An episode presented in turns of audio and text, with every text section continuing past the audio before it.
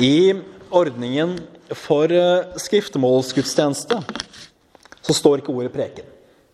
Det står skriftetale. Og jeg må være helt ærlig med dere. eh, Jeg har aldri holdt en skriftetale før. Og vel berører jeg sikkert mye av det en skriftetale handler om i en vanlig preken. For hva er egentlig prekenens funksjon? Jo, det er å forkynne både lov og evangelium. Begge deler. For du kan ikke ha det ene uten det andre. Og du må dele det med rett. Venn om og tro evangeliet. Og Der har du vel egentlig godt beskrevet det jeg prøver å formidle hver gang jeg forkynner. Lov og evangelium. Venn om og tro evangeliet. Så hva er det som kjennetegner en skriftetale? Det er egentlig ikke så godt å si, for jeg har faktisk heller ikke hørt så veldig mange. Venn om, gjør bot og tro evangeliet, kanskje. Og for all del, bekjenn dine synder til Gud. Og det er det jeg har lyst til å si litt om. For hvorfor i alle dager skal vi egentlig bekjenne våre synder? Og at her i dag er så få, kan kanskje vitne om at synsbekjennelsen og skriftemålets funksjon, den tenker ikke folk så godt over. Men vi vet at bekjennelse er forutsetning for tilgivelse. For vi mennesker er syndere. Du er en synder, og jeg er en synder. Det kommer vi ikke unna. Vi er skapt av en hellig og allmektig Gud. Vi tilhører ham. Og idioter som vi er, så gjør vi opprør mot denne hellige og allmektige. Vi, vi, tilhører ham, og det er faktisk en utrolig dårlig idé å gjøre opprør mot denne hellige og allmektige Gud. Vi har ikke sjans til å stå imot hans vrede, men opprør, det skal vi gjøre. Vi gjør opprør med våre liv, med våre tanker, våre lyster. Ja, hele vår falne menneskelighet står Gud imot. Vi er falne syndere, og våre menneskelige lyster de er mer i tråd med Satans natur enn Gud. Vi raser av gårde på den veien vi selv ønsker. Og den veien den leder like til, like til helvetes flammer. Evig død, det er vår skjebne. Hadde det ikke vært for at Gud er nådig. Noen kristne ønsker å fremheve Guds vrede.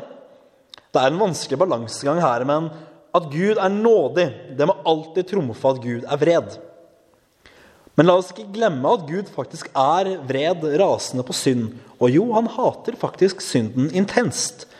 Men det er lett at Gud Fader fremstilles som en rasende despot som gleder seg over å se syndere brenne i helvete, men at den milde Jesus dekker oss for hans vrede. Dette er bare halve sannheten. For det er Gud Fader som er oss mild og nådig i Jesus Kristus. Vi må holde fast ved dette, at Faderen sendte i kjærlighet sin sønn for å dø i vårt sted. Hele treenigheten er gjennomstyret av nåde og kjærlighet til oss. Det er ikke sånn at en del av treenigheten er sint og fæl, og den annen er god og nådig. Og Jesus har vi tilgivelse for syndene. Men vi må selvfølgelig vende om, og vi må tro. Evangeliet det har sin plass. Det kjenner dere. Tro på Herren Jesus. Det betyr å ha tillit til at hans blodstengte seier på korset det er nok for deg. Du trenger ikke legge til denne frelsen med dine egne gjerninger, men du må faktisk vende om. Du må bekjenne dine synder for Herren, for der Herren Jesus vant syndenes forlatelse for deg på korset, så må du bekjenne dine synder for å få denne tilgivelsen. Å, men det er så tungt og trist å bekjenne sine synder. Jeg vil ikke være en synder, jeg vil heller bygge meg selv opp kan man kanskje si, våkn opp, menneske, før helvetes flammer fortærer deg. Du er en synder, og i erkjennelsen av dette har du flere valg. Vil du velge å jobbe så hardt du kan for å bli så god som mulig og slik fortjene himmelriket? Det kan du bare glemme. Vil du gjemme deg under dyna og håpe at alt går over, og at du en dag er fri for synd? Det kan du også bare glemme. Hva står du så igjen med? Fly til Kristus. Løp til din Herre som står og venter på deg idet du bekjenner og vender om. Og Jeg er ganske overbevist om at vi kristne at vi er nødt til å gjenvinne omvendelsen. Våre unge de vokser i dag opp og tror at det ikke er noe spesielt å være en kristen. At man kan være en kristen og leve i hor og drukkenskap og Guds bespottelse og alle slike ting. At en kristen kan leve over tid på en måte som er i strid med Guds ord. Det er Satans største løgn. Venn om. Tro evangeliet. Når du gjør dette, så er Guds løfter knyttet til deg. For det første at du vil bli fri fra fortapelsen. Og du skal gå inn til evig liv og salighet. Alle dine synder skal bli forlatt og tilgitt når du bekjenner. Hør dette løftet og tro det. Fly så til Kristus og skriftemålets salige trøst, som vi skal få etterpå. Tro ikke at du blir perfekt. Tro ikke at du er bedre enn andre, for da er du en fariser. Men tro dette, at når du ofte bekjenner og vender om, så er Guds løfter også at du skal vokse i tro og rettferdighet. Noe som faktisk gleder Herren. Og du vil bli stadig mer hellig. Fromhet er faktisk ikke en dårlig ting. Egenrettferdighet er.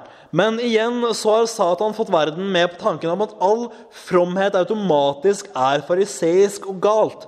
Og det er jo løgn. Salmene de sier at Gud gleder seg over den rettferdige og fromme. Fromhet er intet annet enn hellige vaner. Så la oss skaffe oss hellige vaner. La oss bekjenne, vende om og tro. La verden se at den kristne vandrer i et nytt liv. At man tar oppgjør med sin synd og får en ny vilje og en ny ånd. Strid mot synden og strid mot djevelen. Men hvordan strider jeg mot djevelen? Han er jo så mektig. Ja, men Kristus er mektigere. Strid med Kristus som din kaptein, og strid ved å bruke hans sakramenter. Strid ved å knele ved nattverdens bord hver søndag. Strid ved å daglig vende om. Strid ved å leve i den nåden Gud gav deg i dåpen. Strid ved å vite at du er en synder, men at Herren Gud, din evige Fader, han er deg nådig i Jesus Kristus.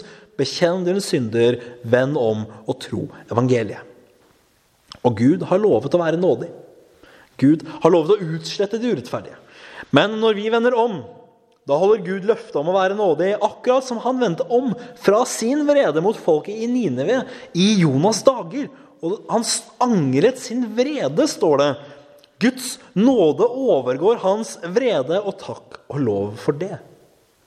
Og la oss glede oss over den nåde Gud viser oss, både oss selv og andre.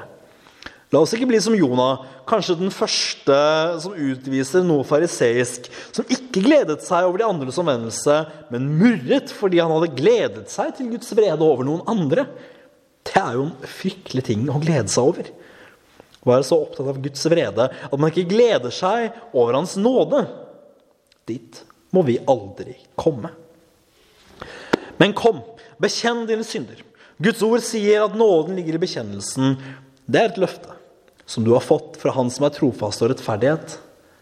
Han som er trofastheten og rettferdigheten selv. Det finnes ikke løgn i ham. Han er sannhet. Kom! Hans løfter står fast. Du skal bli renset og tilgitt. Amen.